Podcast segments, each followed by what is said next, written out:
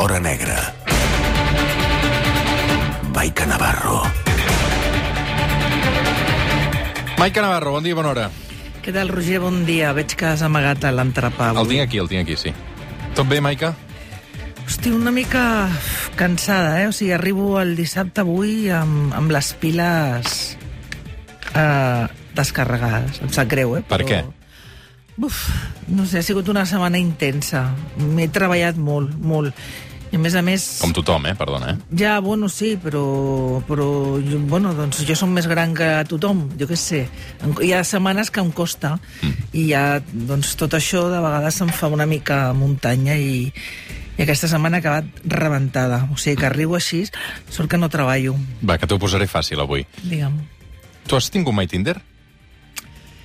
Sí, jo vaig tenir Tinder. Uh -huh. És que he, he, he, uh, he vist aquesta setmana una informació del Quico Sallés al món.cat que uh, ens va sorprendre moltíssim, que explicava que els Mossos d'Esquadra, els mateixos Mossos, havien detectat que hi havia alguns agents que apareixien amb l'uniforme de, dels Mossos a les fotos de perfil de Tinder, per exemple.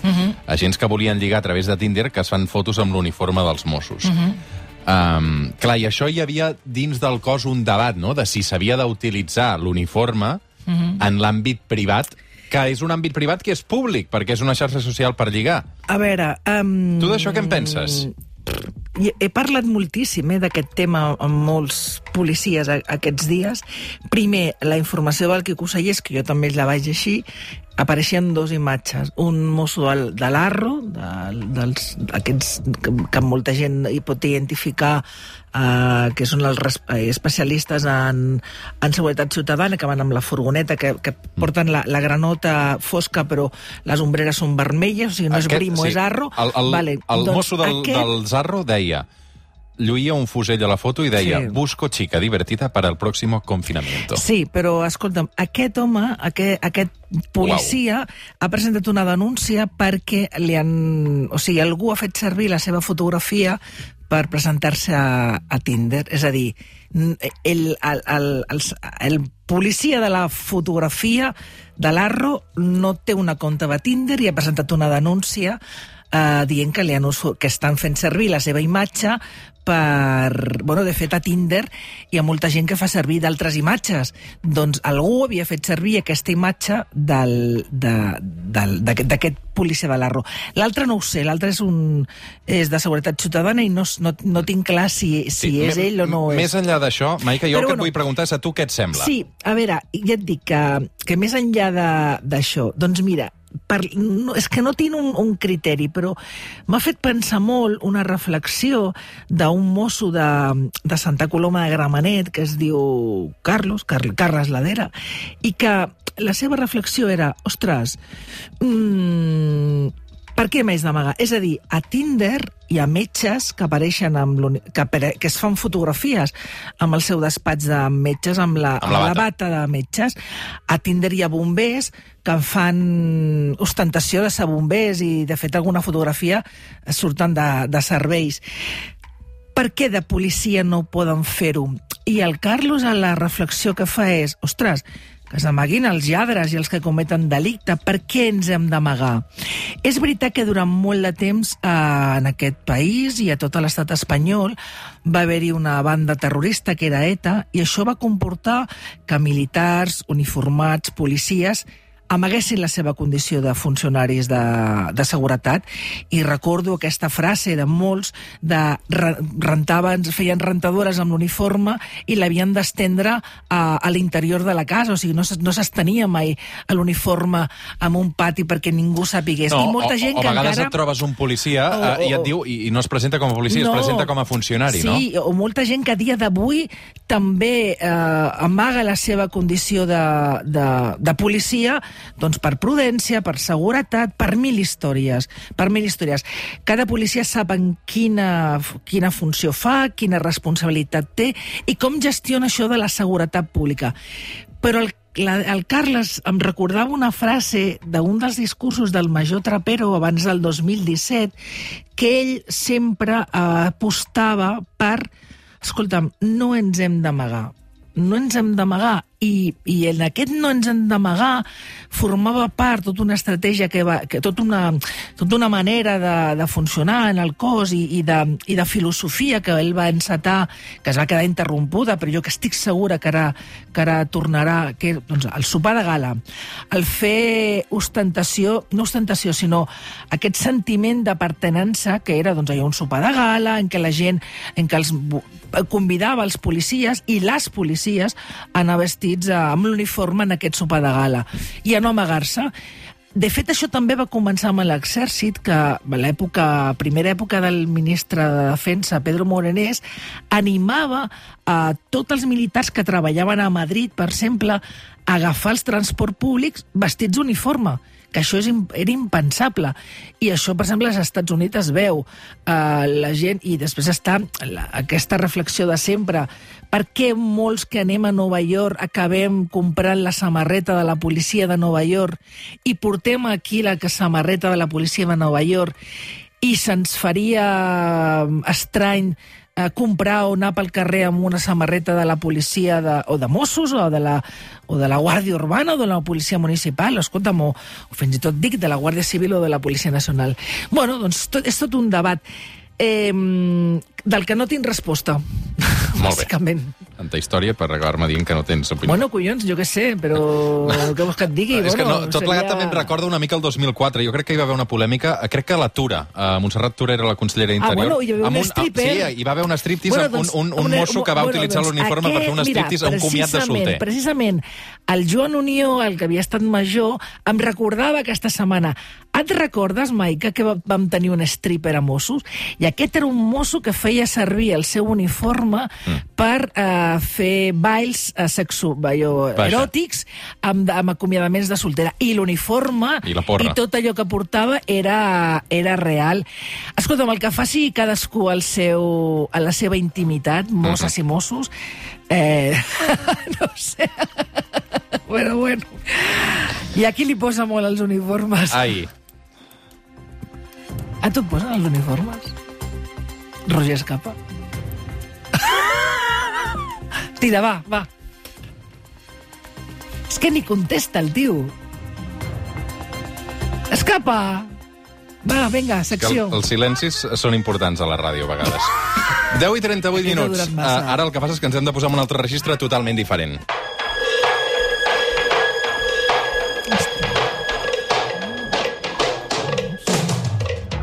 Avui viatgem fins al 2015 uh, i per parlar d'un llibre i de la història de la, de la Patricia Aguilar, que és una noia d'Elx al País Valencià, um, que tenia 16 anys el 2015 uh, i que va acabar desapareixent quan en va fer 18. Uh, tot bé arrenca, crec, el, el cas d'aquesta noia um, per una situació personal complicada, no? Sí. Perquè havia perdut una persona important. Si recuperem aquesta història que ja vam, vam, vam, de la que vam parlar fa tres setmanes, va quedar, ens vam quedar mitges per, per una qüestió de, de, de calendari d'horari i, i ho recuperem una mica des del principi perquè els oients es tornin a, a ubicar. Estem parlant de la Patricia Aguilar, una noia mm, exemplar, 16 anys. El que passa és que de sobte el seu oncle, el José, que és el germà de la seva mare, i que era com una mena parella de germà gran, de tutor, de confident, de columna vertebral vital, es mora de manera repentina, de... només en tenia 29 anys, a més a més una experiència molt traumàtica i molt dolorosa perquè és una malaltia fulminant que l'home pateix molt i de sobte ella que està perduda amb, amb, perduda amb, amb 16 anys la, la, la gestiona fatal. O sigui, no, no entén, necessita respostes, no entén què ha passat, no entén per què, i aquestes respostes que les podia haver eh, cercat de moltes maneres, el que fa és ficar-se dintre de les xarxes, focus d'internet, fòrums d'internet, i allà coneix un home que amb molt bones paraules es converteix en una mena, una mena de com de la llum que ella necessitava en aquell moment per, per, doncs, per il·luminar-la i, i tirar endavant. És a dir, coneix una mena de gurú, Sí. no? Uh, que vivia al Perú i uh, Sí. al qual parlaven a través doncs, de- d'internet, doncs, no? Sí, es deia Félix Esteban Manrique, eh, el coneix, insisteixo, de casualitat, de, fent aquestes búsquedes a, a, a internet, i ell li explica, bueno, li explica que és amic personal del Dalai Lama, eh, que havia llegit més de 5.000 llibres, que era doncs, una mena com de tot, tot va ser un procés de, de poc a poc, perquè mm, tot això era informació que li anava eh, donant, dosificant, per anar-la atrapant. Perquè també, a més a més de, de tot allò que li envoltava i que tot allò que li explicava, també es converteix en, en un gran suport per ella, un suport eh, vital. L'ajudava amb els estudis, l'ajudava amb la vida, però a poc a poc l'anava envoltant, eh, cada cop requeria més la seva atenció, cada cop la Patrícia estava més tancada a la seva habitació, cada cop més enganxada amb aquestes converses interminables per internet o per telèfon, que durant gairebé un any eh, la vida eh, de la Patrícia es converteix només en Félix Esteban Manrique que aconsegueix allunyar-la del món i convèncer-la per, per, per, doncs, per viatjar robar a la seva família, robar-li 6.000 euros de, de recaptació d'un negoci, d'uns diners que guardaven els pares a casa, a robar-los i, que, i preparar-lo tot perquè el dia que ella fes 18 anys mentir a casa, fer veure que havia, una, havia d'anar a la festa d'aniversari d'una amiga, que era una notícia que els pares havien, van acollir amb molta alegria perquè pensaven, hòstia, per fi surt d'aquest- d'aquesta cova en què s'ha convertit la seva habitació, plena de secretismes, i el que feia era és fotre el camp i marxar amb, amb aquest home que li havia fet tantes i tantes promeses i que i ella pensava que era, bueno, doncs, part de la seva vida. Mm. 7 de gener del 2017, amb 18 anys acabats de fer, la Patricia Aguilar roba 6.000 euros al seu pare i se'n va al Perú. Per tant, la capten completament. Sí, mm, marxa, marxa al Perú, té 18 anys i per tant és una marxa voluntària. Eh, tot i que, els, eh, clar, els pares eh, presenten una, presenten una primera denúncia, presenten una denúncia, insisteixo, 18 anys, en un primer moment no hi ha elements que facin sospitar que, que hi ha res que l'hagi forçat, tot i que els pares doncs, comencen a, a, a indagar i indaguen allà on, on, on ella havia on ella havia in, on ella estava constantment, que era l'ordinador, i a través del seu ordinador bueno, doncs comencen a descobrir que, que aquí hi ha un, un personatge que és el que l'ha rentat directament al cervell la, i l'ha segrestat. El que passa és que, clar, els pares es troben amb una, amb una realitat i és que la legislació espanyola no contempla específicament cap delicte vinculat amb una secta. Sí, hi ha il·lícits que, que, que, els, que, que els responsables de la secta poden cometre i allà i aquí s'agafen els, els, els investigadors, però era molt i molt complicat i van ajudar molt poc. I això va fer que, bueno, doncs que els pares comencessin amb, amb una tieta doncs una recerca gairebé en solitari, amb l'ajuda d'alguns mitjans de comunicació, d'alguns periodistes concretament, que van escoltar aquests pares de la Patrícia i es van convertir doncs, no només en altaveu d'aquesta tragèdia que estaven vivint, sinó en una part, un suport molt, molt important. Tres quarts d'onze del matí. De moment tenim que la Patricia Aguilar ha marxat al Perú, abduïda per un gurú, que els seus pares l'estan buscant desesperadament. Un dels capítols que podeu llegir al llibre Hágase tu voluntad, de la periodista Vanessa Lozano, que ha seguit molt, molt eh, aquest cas. Vanessa, què tal? Bon dia. Hola, buenos días. Quan la Patricia arriba al Perú, um, es troba que, que Fèlix uh, ja tenia dues dones més, no? Eso es, eh, Patricia marcha de España eh, totalmente convencida de que Félix Steven es su, su gurú, pero también su pareja, ¿no? No solo su guía espiritual, sino también su amigo y su, y su apoyo. Eh, cuando llega allí se encuentra con que Félix Steven Manteca, en realidad, su novio, estaba ya casado legalmente en Perú con otra mujer y aparte eh, tiene otras esposas que él llama esposas, esposas espirituales, es decir, no está casado formalmente con ellas, pero convive con ellas dentro de un grupo. Es más, eh, Manrique ya tenía eh, eh, varios hijos con esas mujeres, Ujú. con lo cual Patricia, fue, eh, una vez llega a Perú, eh, nada más llegar, se encuentra con que tiene que formar parte, convivir con un grupo de mujeres y de, y de hijos de su pareja. Què passa? Què passa? Que, que, que Fèlix, eh, que és aquest personatge tan sinistre, eh, el primer que fa quan arriba la Patrícia és que se'n van al consulat espanyol de Lima perquè ella declari que eh, és al Perú voluntàriament. És a dir, d'alguna manera el que fa només arribar eh, Fèlix amb la Patrícia és assegurar-se que, no la podi, que no la puguin extraditar a la força, no? Clar. Claro, él lo primero que hace es se cubre las espaldas. Él lleva mucho tiempo, es una persona que lleva mucho tiempo eh, haciendo lo mismo, o sea, estafando a mujeres muy jóvenes, algunas de ellas eh, las conoce cuando son menores de edad. Esto se sabe ahora porque otras exadeptas de ese, de ese grupo sectario que él funda eh, han salido antes de que, que Patricia o después de, de Patricia y han declarado su experiencia.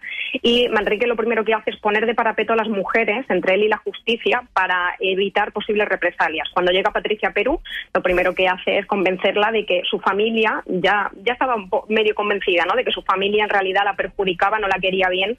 Y cuando llega a Perú, lo primero que hace es decirle, oye, tu familia te está buscando, se ha armado una muy buena en España, eh, las consecuencias llegan aquí a Lima y mm, te voy a tener que, que echar de casa, o sea, voy a tener que dejarte si no solucionas el problema. Vete a la embajada aquí en Lima y soluciona el problema. Di, eh, le dice, él le dice, ¿no? A Patricia, ahora lo sabemos porque Patricia lo cuenta en primera persona en el libro, eh, le, le dice exactamente qué debe declarar, qué debe responder. Es más, él le acompaña a la puerta, a la embajada de hacer esa declaración. Ahora lo sabemos. En su momento parecía que era una declaración voluntaria, igual que esa desaparición, ¿no? Eh, aparentemente de una chica que acaba de cumplir la mayoría, la mayoría de edad y que se quiere marchar con su pareja a Perú.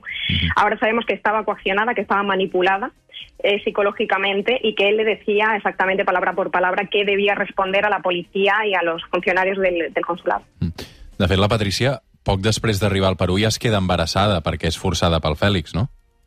Sí, de hecho es que el, el origen, la naturaleza de ese grupo sectario, religioso, pseudo religioso, pseudo filosófico que monta Manrique, eh, el origen, la naturaleza es esa. O sea, él eh, la convence a ella y al resto de, de adeptas de algún modo de que el mundo tal y como lo conocemos va a llegar a su fin. Eh, él incluso llega a hablar, eh, fijémonos, ¿no? Ahora está de actualidad, le, le llega a hablar de alguna pandemia, de algún problema de salud que va a asolar la humanidad tal y como la conocemos y le dice que él es el enviado por Dios para repoblar el planeta cuando llegue ese apocalipsis. Y él debe elegir una serie de mujeres, entre ellas está la propia Patricia, y eh, con ella debe, debe repoblar eh, el mundo. Ahora eso nos puede sonar, la verdad que si alguien viene, ¿no? cualquiera de nosotros, y nos cuenta eso directamente, nos suena a loco. ¿no?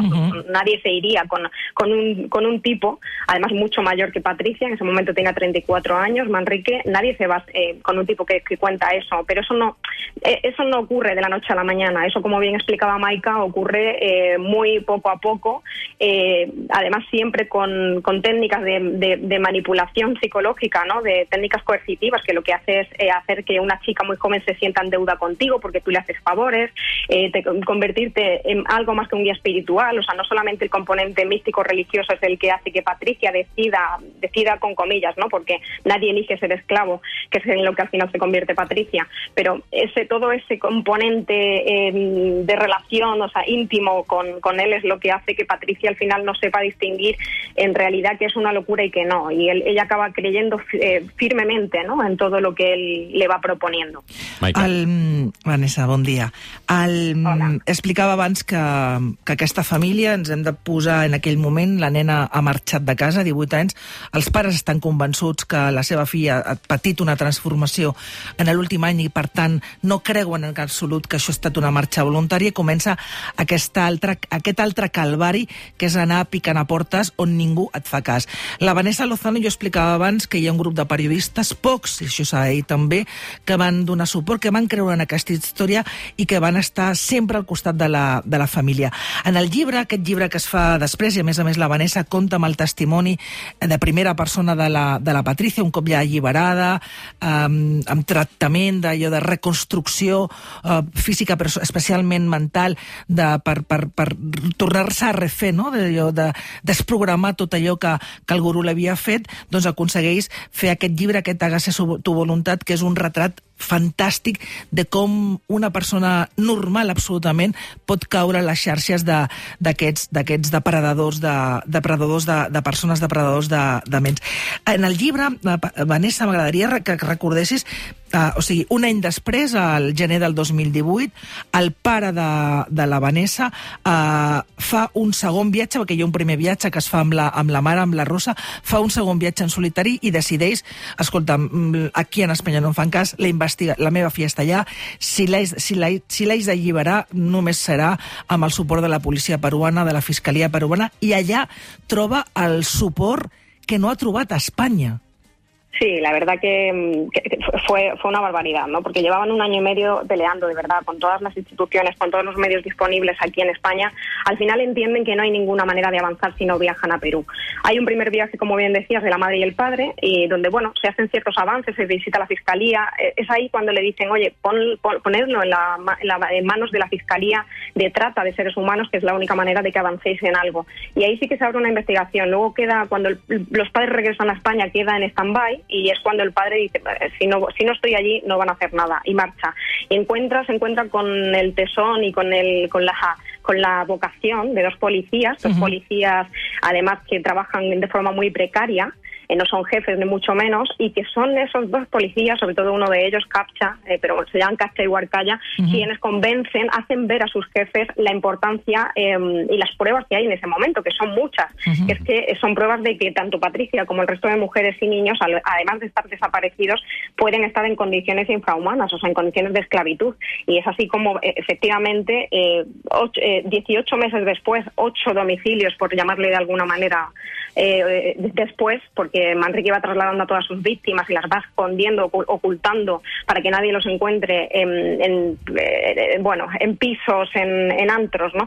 Es así como em, un año y medio después de su cautiverio acaba eh, la policía, después de un operativo policial importante, encontrando a Patricia al cargo de cinco niños, ella sola, en una especie de establo en mitad de la selva peruana, sin luz, sin agua, sin comida, em, y, y además acaba de dar a luz ella sola, sin asistencia médica, sin ir a ningún hospital, sin ningún tipo de revisión médica ni de ecografía a lo largo de todo su, de su embarazo, em, pues los acaba encontrando allí, ¿no? Lleno de llenos de piojos, em, la más absoluta esclavitud, que es eh, al final a, la reflexión a la que yo quería llegar, como tú bien decías, em, es una chica de nuestro país, aquí de Elche, eh, joven, con una familia normal, con unos amigos, unos estudios, una chica normal, con una vida normal, y acabó al otro lado del mundo esclavizada y bueno, aparte de, de, de, sufrir todo tipo de abusos sexuales i de malos tratos físicos i psicològics. No? Vanessa, és una eh, història bastant recent perquè fa només 4 anys d'això. Um, sí. Com està ara la Patrícia i com la van convèncer de,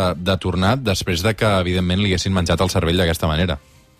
Pues eh, no la decisión no la toma de un día para el otro. Es muy difícil, una siempre se dice, ¿no? Y, y yo creo que es así, eh, después de hablar con muchas víctimas de sectas y eh, de grupos coercitivos, es muy difícil que el que está dentro de un grupo, de una secta, eh, abra los ojos y, y, descubra de la noche a la mañana que ha sido engañado. El que ha sido engañado es el último en darse cuenta. Claro. Es, no es de la noche a la mañana. Igual que el engaño ocurre de, de forma paulatina. Patricia, eh, pues eh, como ella dice, no, eso es muy salvaje, pero palo a palo, o sea, golpe a golpe, ella uh -huh. va comprendiendo que hay algo mal, que algo, que hay algo de lo que ella debe huir. No sabe exactamente qué.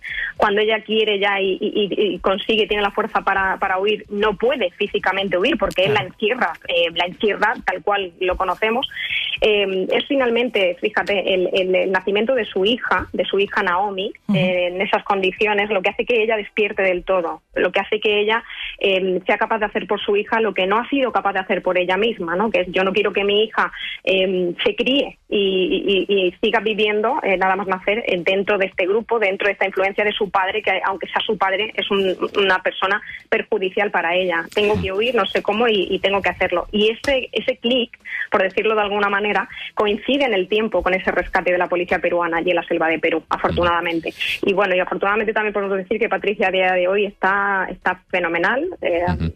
Obviamente tiene muchas secuelas por todo lo ocurrido, sigue en tratamiento psicológico, pero tanto ella como su hija eh, viven, tienen una vida normal y feliz en Elche, viven con los padres de Patricia y, y uh -huh. ella ha vuelto a estudiar y quiere darle un futuro, un futuro mejor a su hija, ¿no? Doncs que, el día de mañana pueda leer en ese libro todo lo que, lo que ocurrió.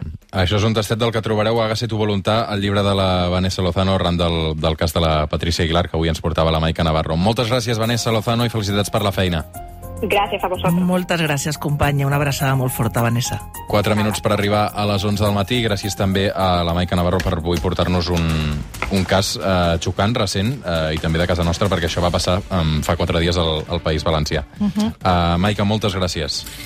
Vinga, un cap de setmana guapo. Escolta'm una cosa, no puc revelar encara què farem dissabte que ve. El que puc dir és que passarà una cosa grossa. Ah? Que, a veure, pots esperar-te, si plau? Espera, sé. Però què vol dir una cosa grossa? No, perquè és que Grossa, dissabte que ve és el grossa, Dia Mundial però de- el- defineix grossa. Sí, el, el, el Dia Mundial de la Ràdio, Pots dissabte que ve. Ho grossa? viurem al suplement. Adéu, uh, he de fer una pausa. Anuncis, fins ara.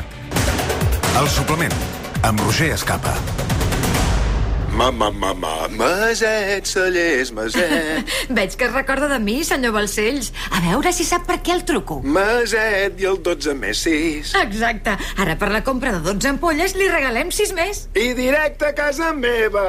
I enviament de franc. Aprofiti la millor oferta de l'any trucant al 900 200 250 o entrant a maset.cat. Cellers Maset. Directe del celler a casa seva.